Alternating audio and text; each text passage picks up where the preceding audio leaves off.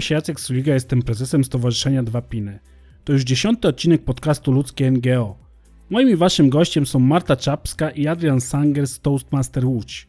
Z tego odcinka dowiecie się, na co zwracać uwagę podczas wystąpień publicznych, kto może zostać profesjonalnym mówcą oraz ile osób ocenia ich wystąpienia.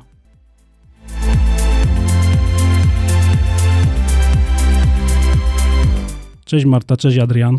Cześć. Cześć, dzięki za zaproszenie. Co to jest Toastmasters?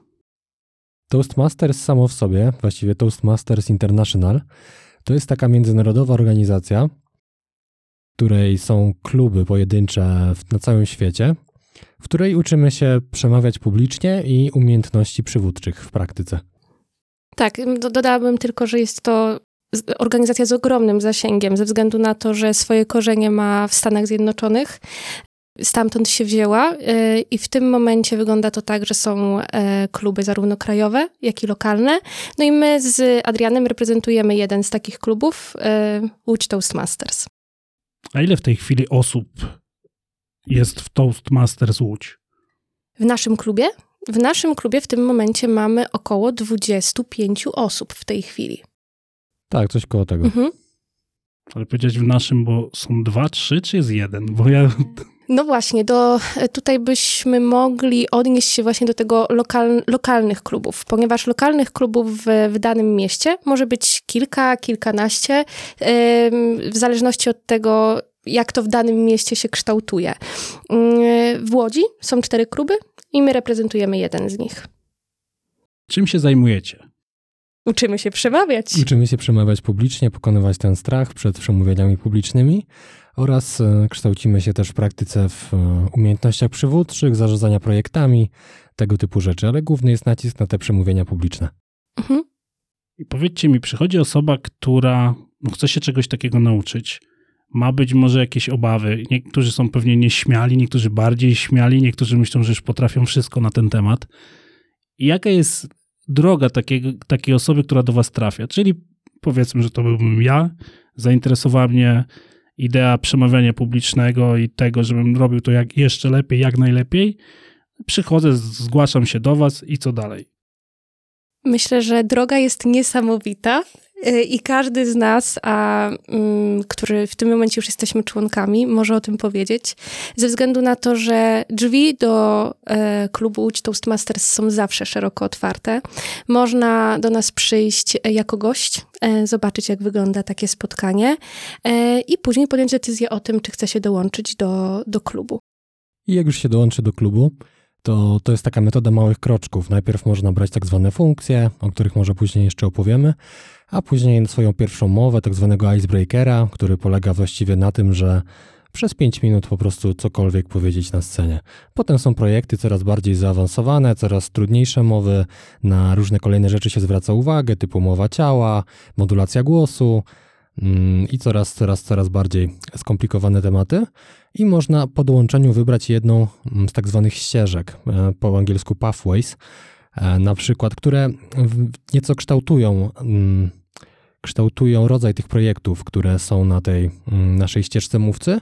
I można być na przykład mistrzem prezentacji, ścieżkę perswazyjnego wpływu, ścieżkę humorystyczną. Tutaj bardziej wtedy będą mowy humorystyczne, angażujące publiczność i tego typu rzeczy. To jest dosyć szeroki, szeroki zakres możliwości. Tak, dodatkowo też na, ze względu na to, że mm, członków jest sporo, o których już wspominałam wcześniej, każdy z członków otrzymuje swojego mentora. E, I ten mentor, oprócz tej ścieżki, o której powiedział Adrian, prowadzi go również przez ten, przez ten rozwój i przez te etapy mm, związane z coraz bardziej rozwiniętymi i twórczymi mowami. A jaki jest przekrój wiekowy w waszym klubie? No, trzeba mieć skończone 18 lat. Takie, jest, takie też wytyczne są bezpośrednio z, mm, z organizacji. A Tutaj, jeżeli chodzi o y, tą granicę wieku, no to the sky is the limit. Każdy może do nas dołączyć. I w naszym klubie jest tak naprawdę bardzo szeroki przekrój. Od 18-latków przez osoby dorosłe, coraz starsze i nawet jeden mężczyzna na emeryturze. A jak obserwujecie zainteresowanie przemowami publicznymi, to kto się najczęściej do was zgłasza? Tu też jest bardzo szeroki zakres tych ludzi. Mm, są programiści, są studenci, przedsiębiorcy, e, jest nauczyciel, mm, są różne totalnie osoby. Nie ma, ciężko w naszym konkretnym klubie, ciężko sprecyzować taką grupę odbiorców bardzo szczegółową. Tak, i to jest też niesamowite i myślę, że pokazuje nie tylko to, że y, dzięki Toastmasters jesteśmy w stanie, uczestnictwa w Toastmasters jesteśmy w stanie uczyć się i rozwijać nasze umiejętności, te miękkie, ale też budować i poznawać naprawdę niesamowitych ludzi z przeróżnych środowisk, z przeróżnych. Tutaj Adrian wymienił kilka zawodów, jest też osoba, która jest lekarzem, e, dentystą, także no e, tak naprawdę tych osób, które pojawiają się na spotkaniach jest bardzo, bardzo wielu i z bardzo różnych środowisk, więc to też jest myślę, że dodatkowy atut. Z waszego doświadczenia, ile trzeba się przygotowywać do tego, żeby być powiedzmy profesjonalnym mówcą? To jest kwestia bardzo, bardzo indywidualna. Zależy tak naprawdę od wcześniejszych umiejętności, jakichś doświadczeń, od tego, jak bardzo nas to stresuje, bo na początek niektórzy wychodzą na scenę i od razu robią mowy, niektórzy potrzebują trochę czasu, żeby pokonać ten stres. I ciężko powiedzieć tak naprawdę, to bardzo indywidualna kwestia. Mhm. No też każdy przychodzi z innym celem, no bo są osoby, które niesamowicie się stresują wyjściem na scenę. Są osoby, które takie jak ja w momencie, kiedy dołączyłam w zeszłym roku i dukałam, bardzo się jąkałam e, ze stresu też. E, więc to w zależności też myślę, że od preferencji, tak, tak sądzę i wtedy ta ścieżka kształtuje się pod ten cel, który jest ułożony. Tak jak zaczęłaś mówić o tym, o swojej drodze, mhm. to się na chwilę przy tym zatrzymajmy. Jaka była twoja droga, Adrian, i jaka twoja, Marta? Moja droga była taka, mm, to też e, się często powtarza, jak ludzi pytam, którzy dołączają, którzy przychodzą, że przez kilka lat wiedziałem o Toastmasters, ale tam raz przyszedłem jako gość, potem nie przychodziłem parę lat, potem znowu i tak w końcu zdecydowałem się, dobra, teraz jest ten moment, dołączam. Bo często jest tak, że ludzie się bardzo długo wahają, stresują, a tak naprawdę to jest najlepsza decyzja, jaką można podjąć, jeśli chodzi o nie tylko naukę wystąpień publicznych, bo to przede wszystkim, ale także o możliwość poznania niesamowitych ludzi, bo ja dołączyłem do klubu, żeby nauczyć się przemawiać publicznie. Nauczyłem się tego i zostałem dla ludzi tak naprawdę i dla tej atmosfery.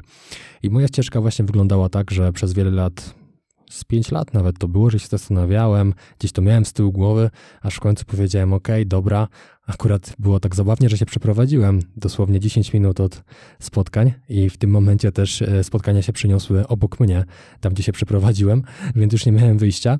E, przyszedłem, od razu stwierdziłem, ok, zapisuję się, szybko biorę tego icebreakera, czyli pierwszą mowę i idę za ciosem. I tak się zaczęło i trwa dalej. No, mów nie było bardzo podobnie, ponieważ o Toastmasters słyszałam już, no, myślę, że z 6-7 lat temu na pewno. E, natomiast e, zawsze pojawiało się coś, co blokowało, żeby jednak na takim spotkaniu się nie pojawić. No, to wynikało głównie właśnie z lęku takiego przed, przed jakąś taką oceną i po prostu z takim zwykłym stresem przed czymś nowym. No ale pojawiłam się w klubie Łódź Toastmasters w zeszłym roku w lipcu i tak naprawdę po tygodniu podjęłam decyzję o tym, żeby już dołączyć jako e, członkini klubu. No i moja ścieżka tak naprawdę potoczyła się tak, że w tym momencie jestem już też w zarządzie tego klubu, w którym, w którym jestem. No jest to no niesamowita przygoda, naprawdę. Zarówno pod kątem e, rozwoju e, w kontekście tych przemówień publicznych, ale też pod kątem poznania, no będziemy się powtarzać, ale niesamowitych ludzi, naprawdę. Ja się tak zastanawiam, czy te umiejętności, które nabywacie pod, podczas swoich spotkań, warsztatów, nie wiem jak to nazwać, przydają wam się w pracy zawodowej. Ja miałem taką y, obawę, może zastanowienie na początku, czy to nie jest tak, że się nauczę występować w Toastmasters, poznam już tych ludzi, nie stresuję się, bo ich znam i w tych warunkach takich bezpiecznych, inkubatoryjnych y, potrafię przemawiać, a co jeśli wyjdę gdzieś na, do innej publiczności, która nie jest Toastmasters, nie jest tak pozytywna i co wtedy? Ale okazało się, że to te umiejętności przenoszą się na inne dziedziny i na inne konteksty czy możliwości wystąpienia. I tak naprawdę poza Toastmasters e, prowadziłem rozmowę z autorką książki i wyszło, wyszło bardzo, bardzo dobrze i zawdzięczam to Toastmasters. Ostatnio też jedna osoba od nas mm, prowadziła konferencję, wystąpienie na konferencji IT, gdzie to jest trudny temat i trudna publiczność i poszło jej doskonale, więc e, i też zawdzięcza to Toastmasters, więc jest ten transfer umiejętności e, poza Toastmasters faktycznie, mimo że zastanawiałem się, czy faktycznie tak będzie. Zdecydowanie, nie tylko w, w, zakresie takim zawodowym, ale również e, prywatnym. Ze względu na to, że pojawiają się tam y, różni ludzie, i no, te spotkania są mm, ogromną wartością dla nas wszystkich. To, to po prostu poszerza horyzonty i powoduje to, że podejmuje się kroki, czy też decyzje takie, takie prywatne, e, czy też zawodowe, o których na przykład wcześniej się nie myślało i nawet się nad nimi nie zastanawiało. A jakbyście mieli powiedzieć konkretnie, jakie umiejętności nabyli, nabyliście przez udział w tych spotkaniach i przez to, czego się nauczyliście w Toastmasters? Jeśli chodzi o mnie, to była przede wszystkim taka umiejętność bycia luźnym, opanowanym, a jednocześnie luźnym, mniej spiętym na scenie. Bo na początku, jak zacząłem e, robić mowy, występować, to byłem bardzo spięty, moje gesty były takie dosyć sztywne. Potem nauczyłem się to rozluźniać, stać po prostu swobodnie na scenie oraz wykorzystywać wykorzystywać scenę do opowiadania historii, że na przykład zaczynam jeden wątek w jednym miejscu, potem przechodzę do drugiego i buduję mm, całą tą historię, czy całą tę mowę, różno, różne wątki, moją mową ciała na scenie. To były takie dwie rzeczy. Tak, to, to, to są takie dwie główne rzeczy. Poza taką faktycznie po prostu pewnością siebie na scenie i tym luzem, to jeśli chodzi o faktyczne umiejętności, to to. Też myślę, że dobór słów bardzo, bo mamy taką funkcję gramatyk, gdzie na koniec spotkania zawsze się ocenia pod względem gramatycznym mówców i to daje też dużo pod kątem takiej kultury języka. Jeśli miałabym powiedzieć tak bezpośrednio y, o sobie, no to takie kwestie związane z, z taką pewnością siebie i o, o, otwartością na scenie, no to to na pewno. Ja generalnie przychodząc do Toastmasters w zeszłym roku, mm, ja byłam pewna, że moje umiejętności takie prezentacyjne są bardzo okej. Okay. I e, w trakcie jednak, e, w momencie, kiedy już zaczęłam występować częściej na scenie, no okazało się, że tutaj jednak ta kwestia związana z tym dukaniem, tak to określmy, bo jednak to y, e bardzo często pojawiało się w, w, moich wypowiedziach. Okazało się, że stoję jak słup soli e, w momencie, kiedy, kiedy się wypowiadam, więc myślę, że tak, przede wszystkim ta świadomość tego, co jest nie tak podczas y, wypowiedzi, te, te, dwie, te, te dwa elementy, które wymieniłam wcześniej. No i też ze względu na to, że w Toastmasters pojawiają się różnego rodzaju funkcje w trakcie spotkań, mm, to odkryłam to, że bardzo cenię sobie poprawną wypowiedź w języku polskim e, i bardzo rozwijam się w funkcji gramatyczki, która jest tam też dostępna i niezwykle ją lubię i niezwykle często ją obejmuję podczas spotkań. Dodam też, że jest taka funkcja na każdym spotkaniu jak ewaluator, czyli ocena mówców przygotowanych. Każdy może zostać ewaluatorem danego mówcy i po prostu na danym spotkaniu po, po jego mowie dać mu informację zwrotną, co było dobrze, co mógłby poprawić. I to dużo daje takiej umiejętności dawania tej informacji zwrotnej, tego feedbacku też w codziennym życiu, bo jednak uczymy się, żeby w odpowiedni sposób opowiedzieć, co było dobrze, ale co też można poprawić i bardziej komunikować to nie jako to było źle, to zrobiłeś źle, to było, to było nie tak, tylko bardziej jako wyzwanie, że tu mógłby się ten mówca na przykład poprawić. I to jest też ważna umiejętność, dawanie feedbacku, tej informacji zwrotnej. Cały czas mówicie, wspominacie o tych funkcjach osób, które no w pewien sposób oceniają. Być może nie używacie takiego słowa, być może używacie słowa informacja zwrotna. Nie? To jak gdyby jest mniej ważne dla mnie, ale jakie to są funkcje? No już słyszałem, pojawił się gromatyk, który dba o to, żeby jak najlepiej te zdania były budowane i żeby no, odpowiednio odmieniać pewnie różne części mowy. Y, pojawia się ewaluator, ale pewnie tych funkcji jest więcej. Ja, ja rzuciło mi się takie zdjęcie na waszym Facebooku, że była osoba, która miała całkowicie zakryte uszy. Nie wiem, czy była, bo być może też była nadwrażliwa słuchowo. Też pierwsze, co takiego mi do głowy przyszło, bo też zdarzają się takie osoby, ale jednak przyszło mi do głowy, że ona pewnie jest odpowiedzialna za to, żeby oceniać mowę ciała, nie słysząc, co kto mówi. To może powiedzcie o tych wszystkich funkcjach, że jak wychodzi osoba mówca, to ile osób, oprócz widowni oczywiście, ocenia, ewoluuje i, i, i daje informację zwrotną takiej osoby? Myślę, że najlepiej będzie, jeżeli przejdziemy od początku spotkania, tak, tak sądzę. No to przede wszystkim e, każde spotkanie otwiera, mm, no prezes, e, to, to się najczęściej dzieje, ale kolejną niezwykle istotną rolą jest Toastmasters, e, Toastmaster wieczoru, który prowadzi dane spotkanie. Następnie Następnie jest główny ewaluator, który ocenia wszystkie osoby funkcyjne, czyli jest takim taką osobą, która ocenia inne osoby funkcyjne po spotkaniu, po ich złożeniu raportów, żeby jeszcze bardziej udoskonalać ich umiejętności, no zwraca uwagę tylko na te osoby funkcyjne, nie zwraca uwagi, co robią mówcy, tylko właśnie te osoby funkcyjne. Jeśli chodzi o te osoby funkcyjne, to właśnie jedną e, z tych funkcji, czy też ról, bo to można nazwać e, dwojako, e, jest właśnie oceniający mowę ciała. I tutaj bardzo słusznie zauważyłeś, że jedna z toastmasterek podczas spotkania podjęła bardzo słuszny ruch, żeby założyć słuchawki wygłuszające, żeby oceniać tylko i wyłącznie osoby pojawiające się na scenę pod kątem, pod kątem mowy ciała. Następnie mamy... Mamy kontrolera płynności, czyli osobę, wcześniej to mm, dzierżyła ta osoba e, w dłoniach cymbałki. Teraz jest taki klikacz, e, jak do tresury psów trochę.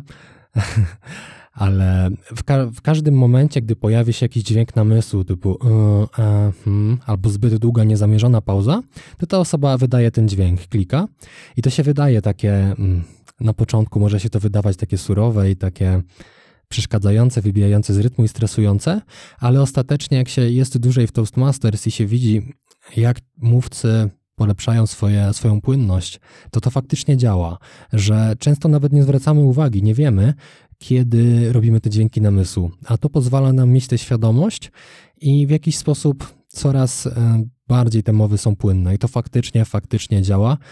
Kiedyś był taki mm, chłopak, chodził do nas, który na początku totalnie, co każdy słowo miał to yy, i się śmiał, wtedy jeszcze były te cymbałki, że będzie orkiestra, zaraz koncert. A potem po tak naprawdę kilku, kilku tygodniach był bardzo, bardzo płynny w swoich mowach, więc to działa faktycznie. Kolejną funkcją jest e, gramatyk lub też gramatyczka, w zależności od e, płci, która pełni tą, tą funkcję. E, no i tutaj jest właśnie szczególne zwrócenie uwagi na sposób wypowiedzi, kwestie takie no, odnoszące się do, do gramatyki, do tego, w jaki sposób wypowiadają się osoby pojawiające się na scenie. I czwarta funkcja. Chronometrażysta, czyli osoba, która liczy czas. I na naszych spotkaniach zawsze jest agenda mm, z, dokładnie z wypisanym czasem, jaki jest na daną funkcję, dany raport, mów, e, daną mowę i tak dalej, i tak. Staramy się trzymać tego czasu i chronometrażysta ma takie trzy kartki, zieloną, żółtą i czerwoną. I w momencie, gdy już się zbliża dana, dane wystąpienie do końca, e, pokazuje zieloną kartkę, gdy już jest jeszcze bliżej końca żółtą i na koniec czerwoną, gdy już trzeba schodzić ze sceny i w ten sposób dbamy o to, żeby mieścić się po prostu w czasie i żeby te spotkania nie były chaotyczne, tylko były zgodne e, z agendą. W momencie, kiedy już pojawi się główny ewaluator na scenie, on zapowiada po kolei każdą z tych, z tych osób.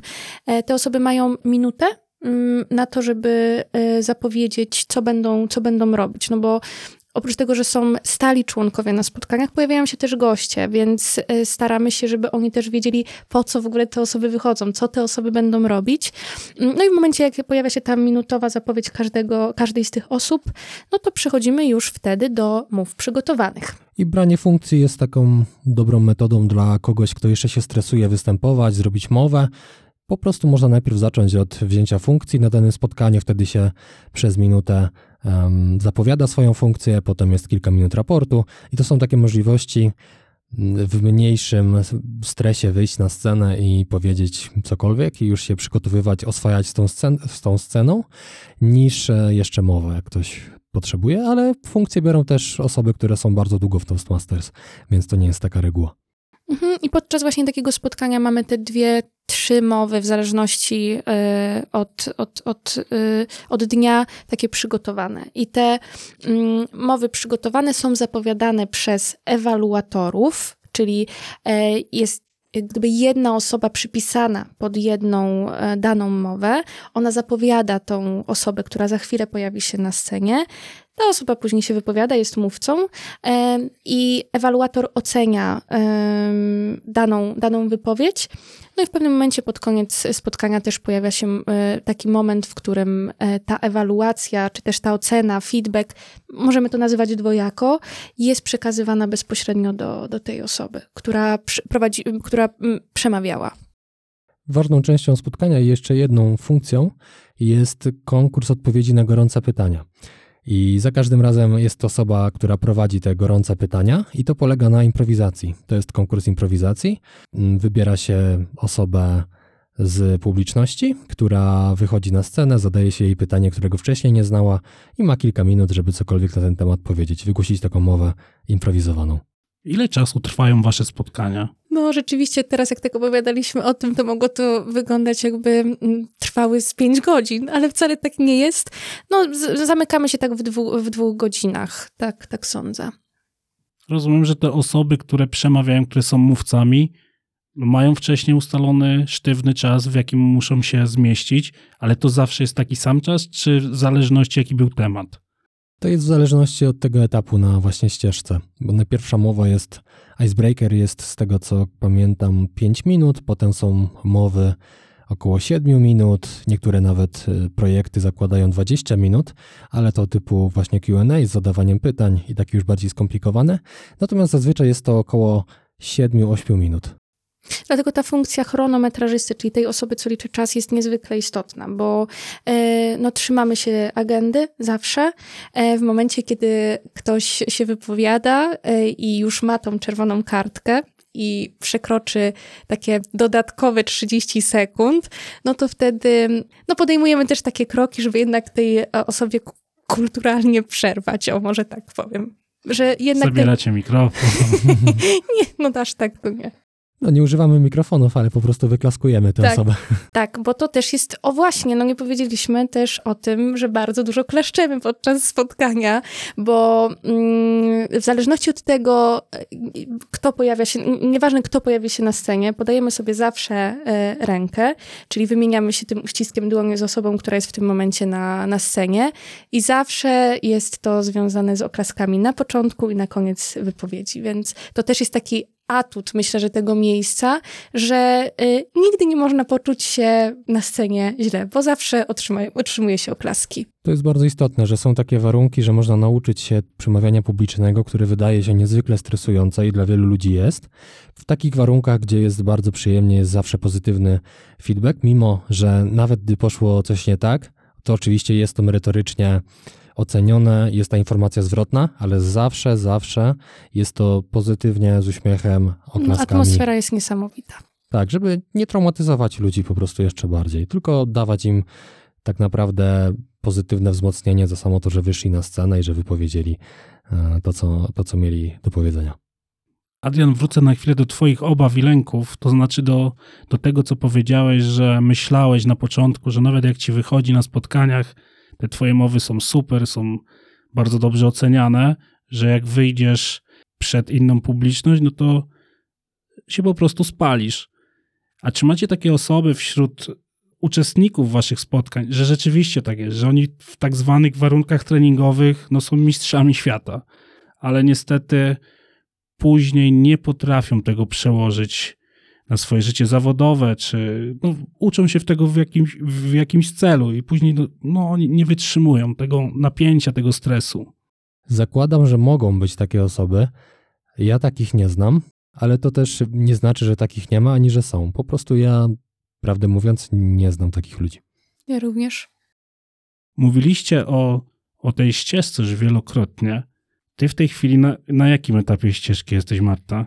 Ja w zeszłym roku wybrałam tak zwany Pathways Presentation Mystery e, i on odnosi się po prostu do mm, podnoszenia tych umiejętności takich zwykłych, prezentacyjnych. On nie jest jakiś taki bardzo rozbudowany.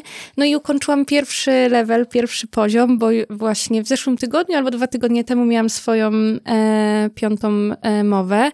Chcę tylko podkreślić, że u mnie to idzie faktycznie wolno, ze względu na to, że ja dużo częściej brałam różnego rodzaju funkcje podczas spotkań, też dołączyłam do zarządu, faktycznie piąta mowa, jak na ten czas, od kiedy tutaj jestem, można uznać to za y, zbyt, nie wiem, długo, zbyt jakoś tak, to, że to się rozciąga w czasie.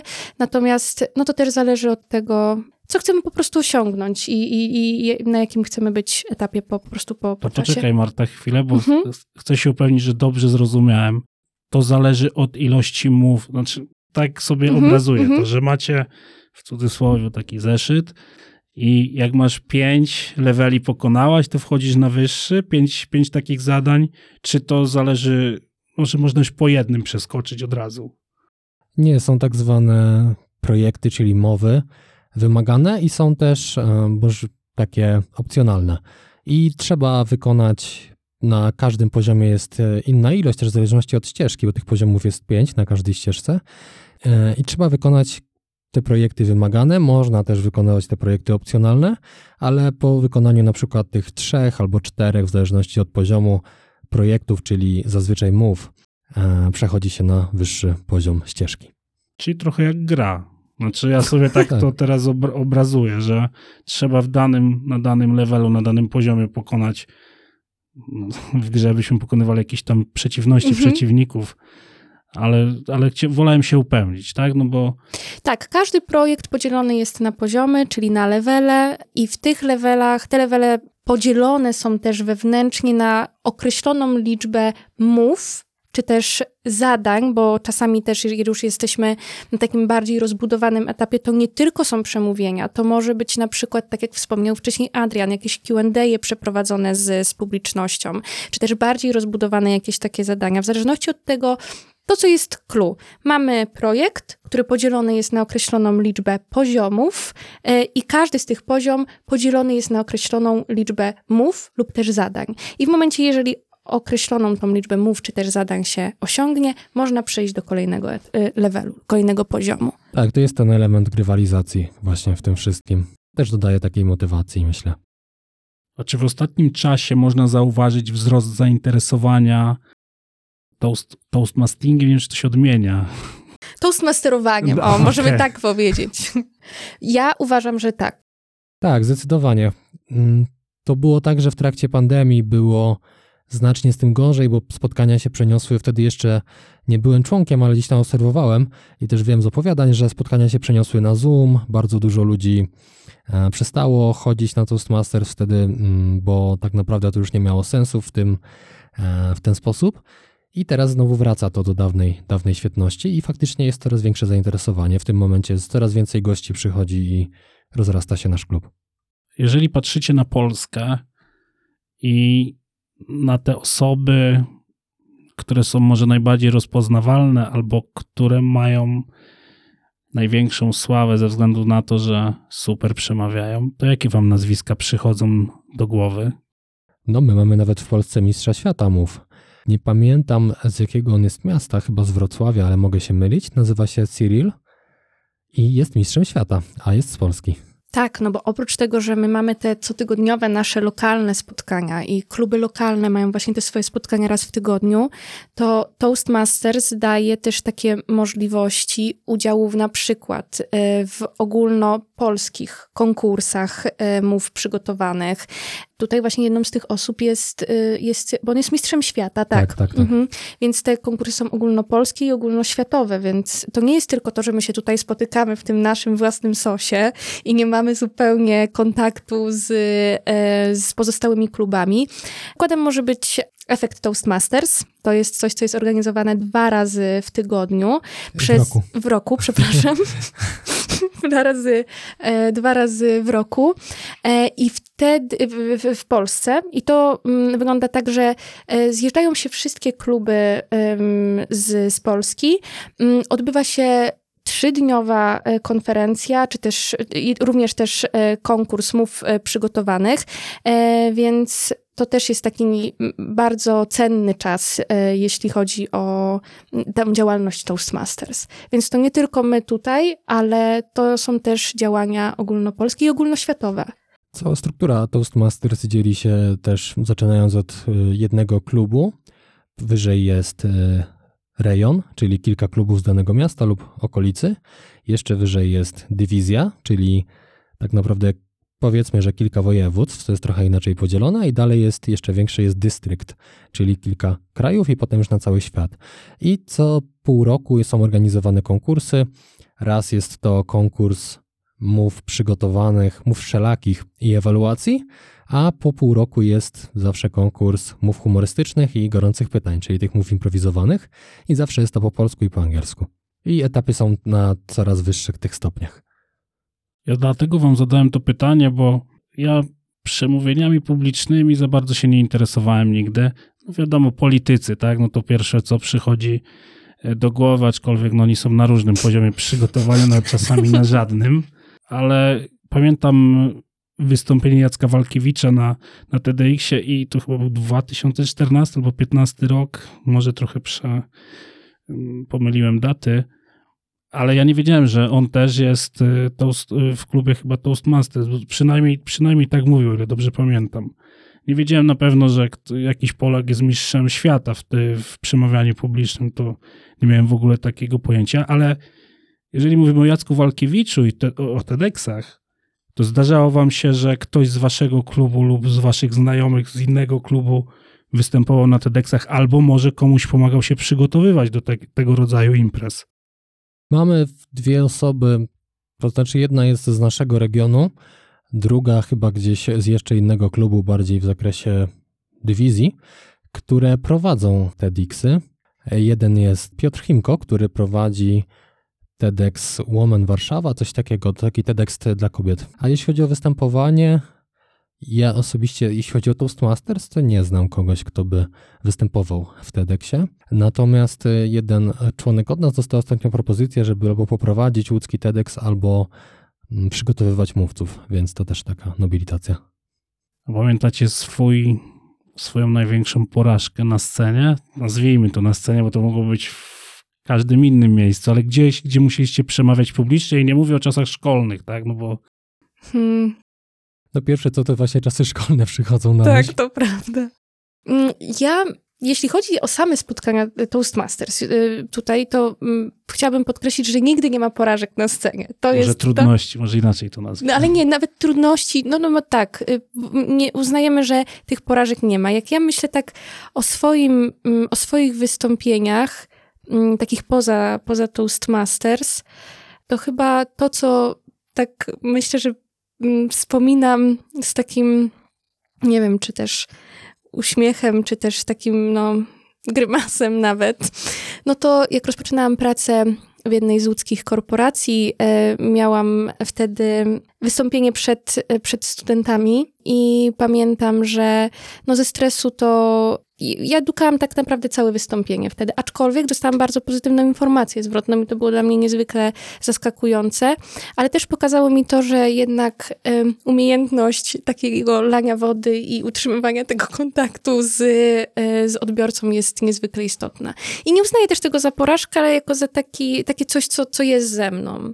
To ciekawe, o czym Marta wspomniałaś, że właśnie dostałaś bardzo pozytywny feedback po tym, bo często jest tak, i to widać w Toastmasters, że ktoś mówi, że się bardzo, bardzo, bardzo stresował, przy, kończy mowę i po prostu hu, e, cały się trzęsie, już nie może, ale tego w ogóle na scenie nie było widać. Wydaje się, że ta osoba jest na scenie pewna siebie, jest wszystko w porządku i tak naprawdę często nam się na przykład trzęsą nogi i nam się wydaje, że to wszyscy widzą, ale tak naprawdę to tego nie widać i to prawda, czasem widać te objawy stresu, szczególnie w głosie czy w mowie ciała, ale często my to postrzegamy dużo, dużo bardziej niż widownia. Korzystając z okazji, że mam tu specjalistów od rozmów i przemówień publicznych, na co powinien przeciętny Kowalski zwracać uwagę, jeżeli musi przemawiać? Co jest taką rzeczą, że na pewno położy wystąpienie publiczne? Lub może są takie narzędzia, techniki, że mogą zdecydowanie pomóc. Punkt pierwszy. Nigdy nie ucz się swoich wypowiedzi na pamięć. Jestem żywym przykładem na to, zwłaszcza jeżeli chodzi o mój icebreaker, że nauczyłam się go na pamięć i to punkt pierwszy, który chcę przekazać. Myślę, że bardzo istotne jest też to, żeby chociaż w jakimś małym stopniu modulować głosem albo mową ciała, czy zmieniać miejsce, żeby nie uśpić publiczności. Bo gdy mówimy bardzo monotonnie, to ludziom się po prostu wyłącza, wyłącza skupienie. Więc y, utrzymanie tego skupienia jest niezwykle, niezwykle ważne. Tak, kontakt z, z publicznością to też jest taka trzecia rzecz, o której myślę, że trzeba pamiętać. E, no i też budowanie tej autentyczności na scenie, czyli żeby nawet jeśli, e, żeby nie mówić o rzeczach, o których po prostu nie ma się pojęcia, albo e, o który, który, gdzie temat nie jest jakoś tak dobrze przez nas zgłębiony, bo to myślę, że też um, pokazuje, że robimy się tacy bardzo nieautentyczni na scenie i nie chce nam się, nie chce się wtedy, nie jesteśmy w stanie utrzymać po prostu um, uwagi publiczności. Czyli lanie wody, tak, ale na temat, na który mamy pojęcie, czy nie? Czy mamy pewnie dużo przykładów, gdzie na przykład politycy leją wodę na tematy, na które nie mają pojęcia, ale to da się wyczuć zawsze i jednak warto mieć pojęcie, o czym się mówi, gdy się próbuje lać wodę nawet. Ja na przykład uważam, że dla początkujących mówców, tak jak dla mnie, bo ja też nadal jestem tym początkującym mówcą, to taki storytelling właśnie, czyli opowiadanie historii takich z życia wziętych, e, ze swojego doświadczenia jest najcenniejsze, naprawdę i tak najłatwiej e, przedstawić jest wtedy publiczności coś, co się wydarzyło. Nawet jeśli tam się coś doda w trakcie, to te osoby, które, które słuchają, no one i tak o tym nie wiedzą, bo one w tym nie uczestniczyły. Natomiast y, takie opieranie się na faktach, y, no to myślę, że dla początkującego mówcy jest czymś cennym. W Toastmasters też zwracamy dużą uwagę na strukturę mowy. Taka podstawowa struktura to na przykład wstęp, rozwinięcie i zakończenie. Ważne, żeby na przykład ten wstęp miał podobną długość jak zakończenie. E, jest też taka metoda trójki, że na przykład są jakieś wstęp, trzy wątki, zakończenie, takie różne struktury i warto na przykład też zrobić taką już taki bardziej zaawansowany może poziom, ale taką klamrę, że skończyć jakby na wątku, od którego się zaczęło. Wtedy to też takie daje wrażenie takiego domknięcia tematu. Są takie bardzo, bardzo różne, różne właśnie metody, natomiast ta struktura, warto rozpisać sobie mowę, niekoniecznie właśnie jak Marta mówiła, żeby słowo w słowo, ale jakimiś wątkami, słowami kluczowymi, tak żeby to miało jakąś strukturę i sens, nie było takie chaotyczne. Oglądacie czasem telewizję? Ja już w ogóle nie. Ja jak jestem u rodziców się zdarza. Chciałem wam zadać pytanie o to, no bo obserwujecie pewnie mniej lub bardziej naszą scenę polityczną polską. Mhm. I nie będę pytał, na jakim są poziomie wypowiedzi nasi politycy. Bardziej mi chodzi o to, czy spośród tych wielu polityków, którzy przewijają się y, na scenie politycznej, widzicie takiego, który rzeczywiście to przemawianie publiczne ma opanowane na niezłym poziomie, a może nawet bardzo dobrym. A może z ich kilku.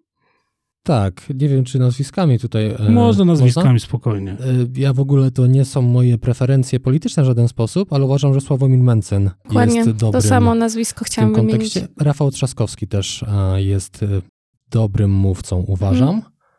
Tak, to są takie dwie, które pierwsze przychodzą mi do głowy faktycznie pod kątem przemówień publicznych. Mhm.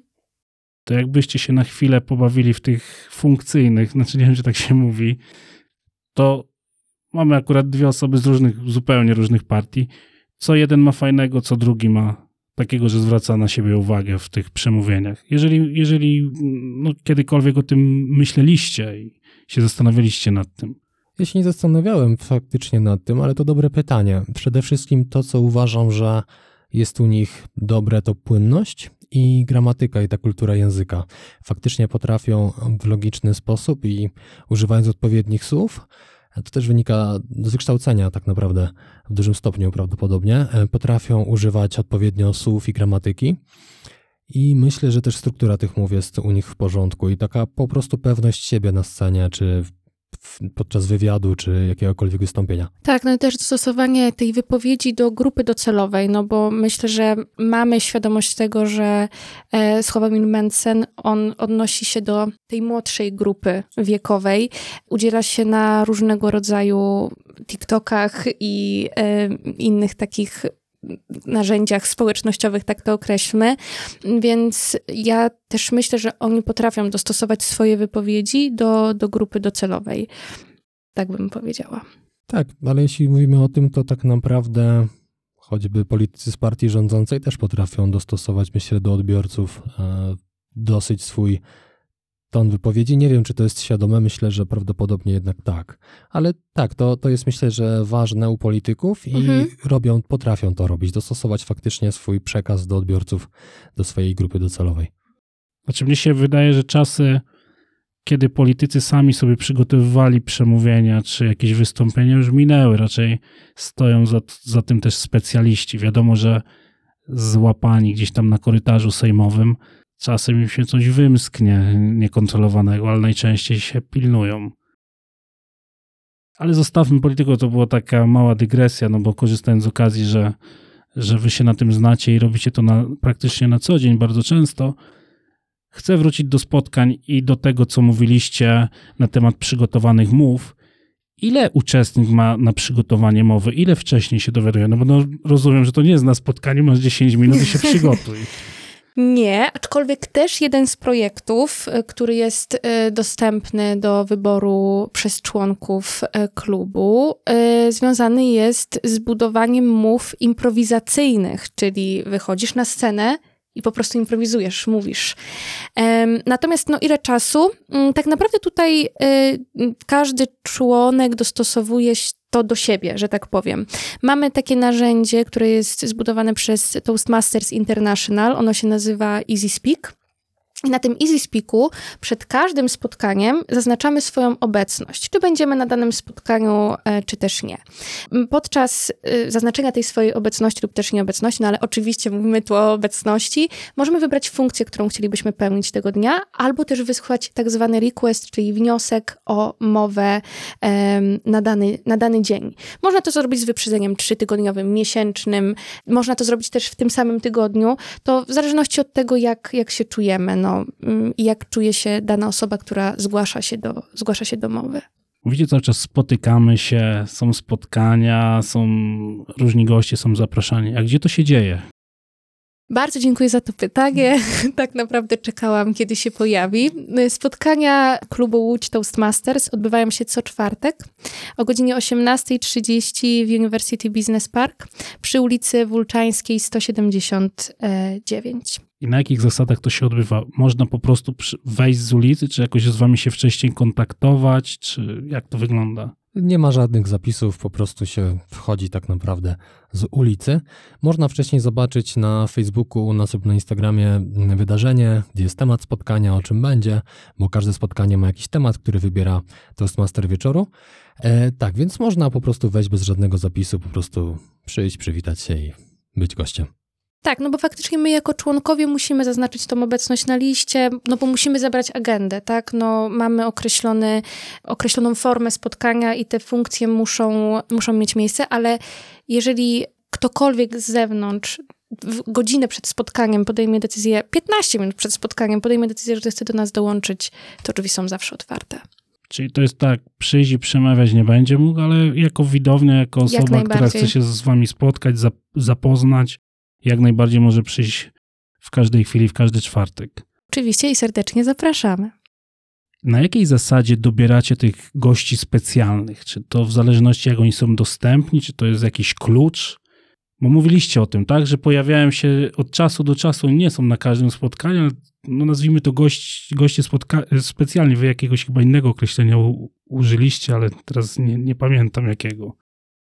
Tak, to jest zazwyczaj coś takiego, że Któryś z kolei projekt polega na zorganizowaniu czegoś z jakąś grupą ludzi, na przykład skoordynowaniu jakiejś grupy ludzi w jakimś celu.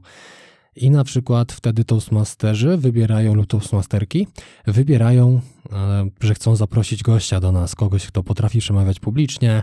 E, zazwyczaj to jest właśnie osoba, która gdzieś tam ma ten warsztat wystąpień publicznych albo umiejętności czy wiedzę w tym temacie i organizuje takie warsztaty. Wtedy zbiera grupę ludzi, którzy to organizują, piszą do danej osoby czy grupy osób, które uznały za, że chciałyby je zaprosić, dogadują wszystko, e, ustalają niezbędne rzeczy i tak to wszystko przebiega.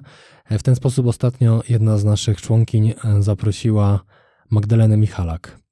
I to było bardzo, mm, bardzo ciekawe, ciekawe wystąpienie, ciekawe spotkanie. Może powiedz, to to jest Magdalena Michalak, ja wiem, ale pewnie nie wszyscy będą wiedzieli. To jest y, łódzka dziennikarka, która występowała w telewizji przez, jeśli nie chcę skłamać, 20 lat czy 30? No, no długo, Długo tak. bardzo. Tak. Mhm, tak. I pojawiła się właśnie na jednym ze spotkań i myślę, że przekazała podczas tego spotkania wiele takich ważnych tipów, już tak określmy to po angielsku. Tak, i naprawdę zachwycające to było i ogromne wrażenie zrobiło na wszystkich. Tak Za co też swoim... dziękujemy mm. oczywiście pani Magdzie, że, że pojawiła tak, się tak. na tym spotkaniu. A pamiętacie coś takiego, co was rzeczywiście zaskoczyło, że już myśleliście, a to już bardzo dużo wiem i nagle przychodzi pani Magda, mówi coś takiego i, i wszyscy oczy i zdziwienie.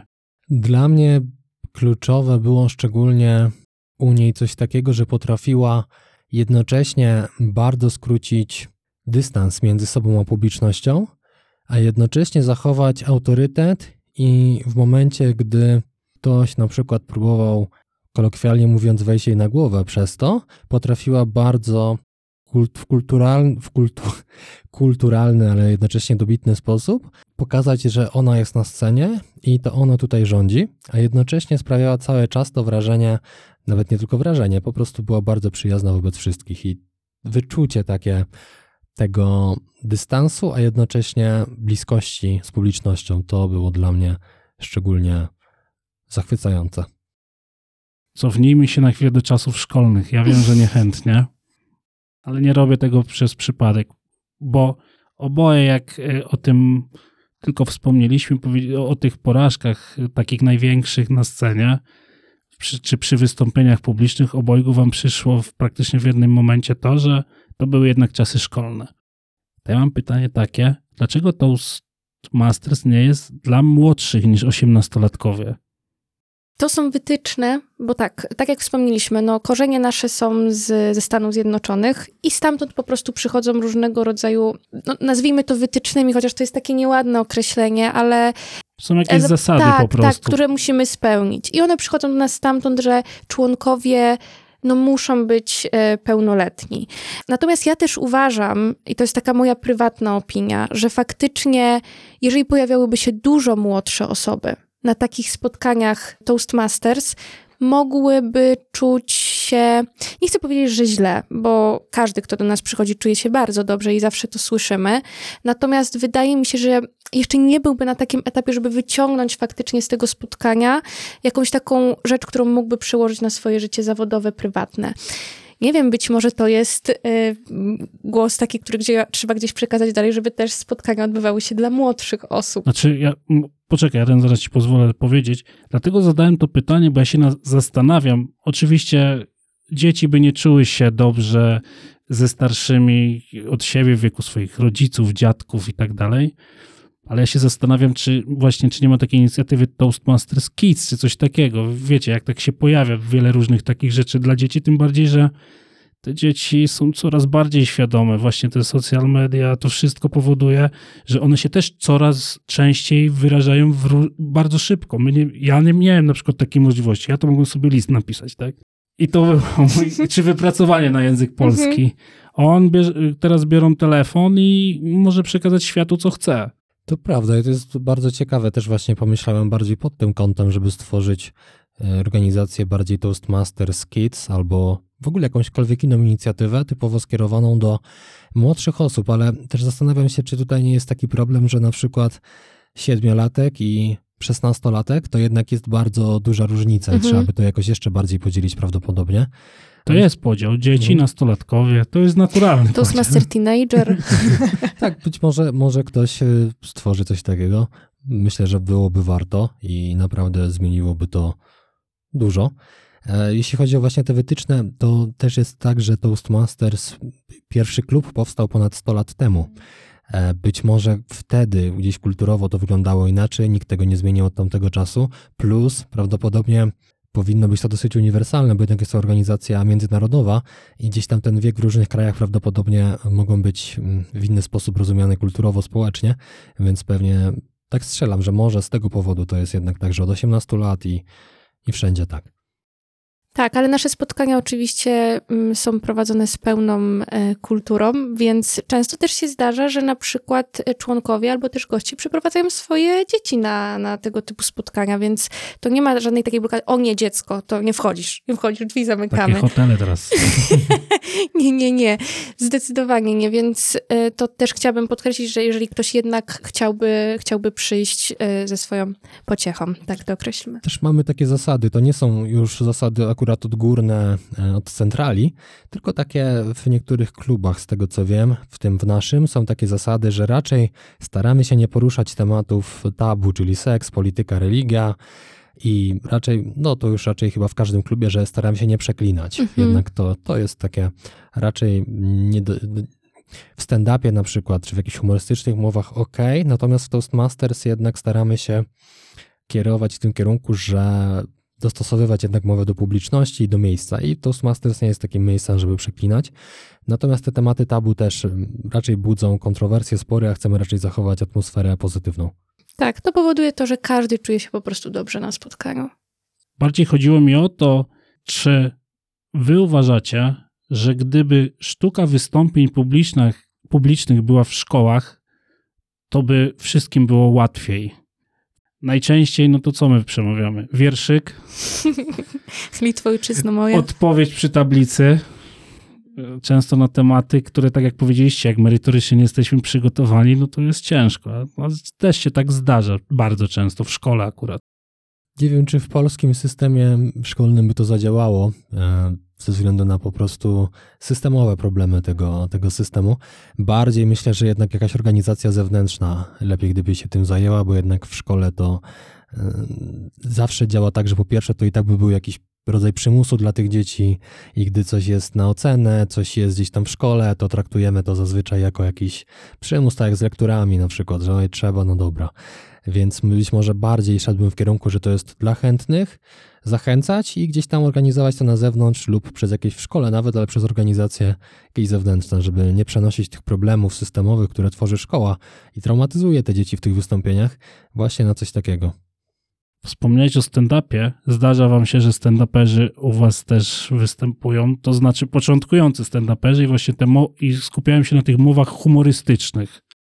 Ścieżka humorystyczna również jest e, możliwa do, do wyboru przez naszych członków. Teraz e, właśnie jesteśmy też w trakcie przygotowywania takiego spotkania stricte stand-upowego. E, tutaj nie chciałabym pomylić dat w tej chwili. 13 mm, kwietnia, z tak, tego co 13 kojarzę. kwietnia. Mhm, tak, będzie. Dokładnie, na pewno na naszym Facebooku pojawi się um, ówcześnie wydarzenie. No, jak najbardziej tą ścieżkę humorystyczną też można rozwijać. Mamy początkujących stand-uperów, może nie to, że występują już na wielkich scenach, ale występują przed nami i ja osobiście uważam, że są świetni.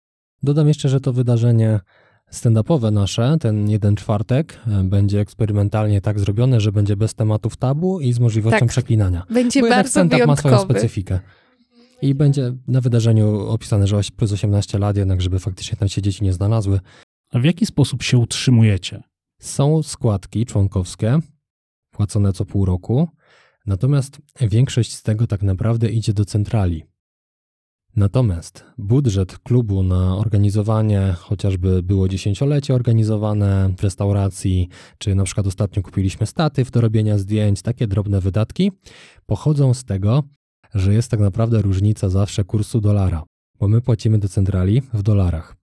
I no tak teraz strzelając, na przykład, że składka wynosi 222 zł, kurs dolara jest tak, że do centrali wysyłamy 220 zł, no to członka jest te 2 zł zawsze. I to się gromadzi, gromadzi i gdzieś tam na wspólnym koncie e, to jest trzymane. Natomiast jesteśmy organizacją non-profit oficjalnie, więc to nie jest tak, że, że my zarabiamy, że członkowie zarządu zarabiają na tym. Nie, nie, nie. My nic z tego nie mamy finansowo.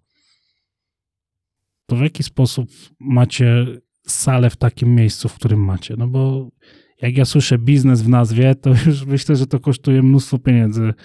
W jaki sposób to się stało, że tam jesteście? Też mówiliście, że zmienialiście miejsce w jakoś w międzyczasie.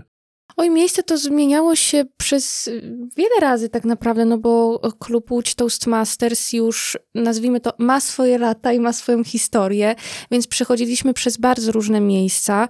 Natomiast no, my organizujemy to wszystko sami, we własnym zakresie, czyli w tym momencie mamy spotkania, to organizował e, nasz Piotr Zieliński, Dokładnie, pozdrawiamy. serdecznie pozdrawiamy, ponieważ w tym miejscu, w którym my e, mamy spotkania, jest również siedziba jego firmy. I e, to spowodowało to, że e, my możemy się tam też spotykać. Więc miejsce organizujemy sami. ale są też kluby, gdzie na przykład spotykają się w kawiarni, Mhm. y, gdy nie mają innej możliwości. To też zależy tak naprawdę od klubu. My się spotykamy w takiej sali konferencyjnej dosyć dużej.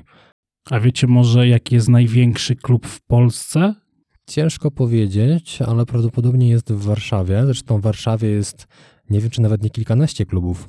Też są na przykład kluby stricte biznesowe, na przykład jakieś Toastmasters Business Warsaw, teraz strzelam te nazwy, ale coś, coś w tym stylu, e, które na przykład skupiają się tylko na, głównie na mowach biznesowych i przedsiębiorcach. Są też jakieś IT, są też możliwości, że ktoś na przykład w swojej firmie zorganizuje Dokładnie. taki klub Toastmasters dla konkretnie pracowników danej firmy. Uczestnicy spotkań wygłaszają też mowy w języku angielskim lub innym. Są też całe kluby hybry, mm, anglojęzyczne lub e, hybrydowe, Hybrydowe. które są raz po polsku, raz po angielsku i są też e, anglojęzyczne kluby. I są też konkursy po angielsku, e, więc, więc tak się można realizować. Natomiast nasz klub Łódź Toastmasters jest tylko w języku polskim. Powoli się zbliżamy do końca rozmowy. Jakbyście mieli zachęcić osoby, które się wahają, czy do was przyjść, czy nie, to dlaczego mają do was przyjść? Ja bym powiedziała, że ze względu na to, że oprócz tych umiejętności e, miękkich związanych bezpośrednio z, e, z przemawianiem publicznym, co jest niezwykle istotne, można nawiązać naprawdę niesamowite przyjaźnie i niesamowite relacje, które są cenne pod każdym względem. Dlatego jeśli ktoś chciałby się rozwijać w niesamowitej atmosferze, bo to wszystko może wyglądać bardzo sztywno teraz, że trzymamy się agendy i tak dalej. Wcale tak nie jest. To znaczy, oczywiście trzymamy się tych wytycznych, które są, ale atmosfera jest zawsze niesamowita, jest zawsze dużo uśmiechu, nikt nie czuje się źle e, z osób, które się pojawiają. My zawsze dajemy też możliwość wypowiedzi gościom po spotkaniu i zawsze mówią o tym, że czują się swobodnie, mimo tego, że są tutaj na przykład pierwszy raz, więc to jest to, co ja bym dodała od siebie. Ja powiem w ten sposób, że jeśli się wahasz, to znaczy, że porusza to w tobie jakąś strunę, że tego chcesz, że to jest jakiś temat dla ciebie, bo gdybyś nie chciał, po prostu byś się nawet nie wahał, nie wahała. I gdy przyjdziesz na pierwsze spotkanie, tak naprawdę niczym nie ryzykujesz, nic nie stracisz. Może ci się spodoba, może nie.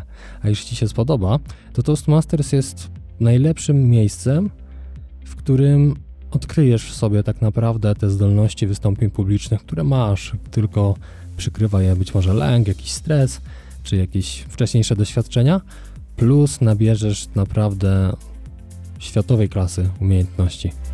Bardzo Wam dziękuję za rozmowę. My również bardzo dziękujemy. Bardzo dziękuję, było bardzo miło. Dzięki, cześć. Cześć, Dzięki, cześć. dzięki. Podobała się Wam rozmowa z Martą i Adrianem? Oceńcie nas. Szukajcie nas na Spotify, w Google Podcast i na innych platformach w internecie. Jeżeli jesteście z NGO i chcecie opowiedzieć o swoich działaniach, kontaktujcie się ze mną. Najłatwiej będzie to zrobić przez Facebooka.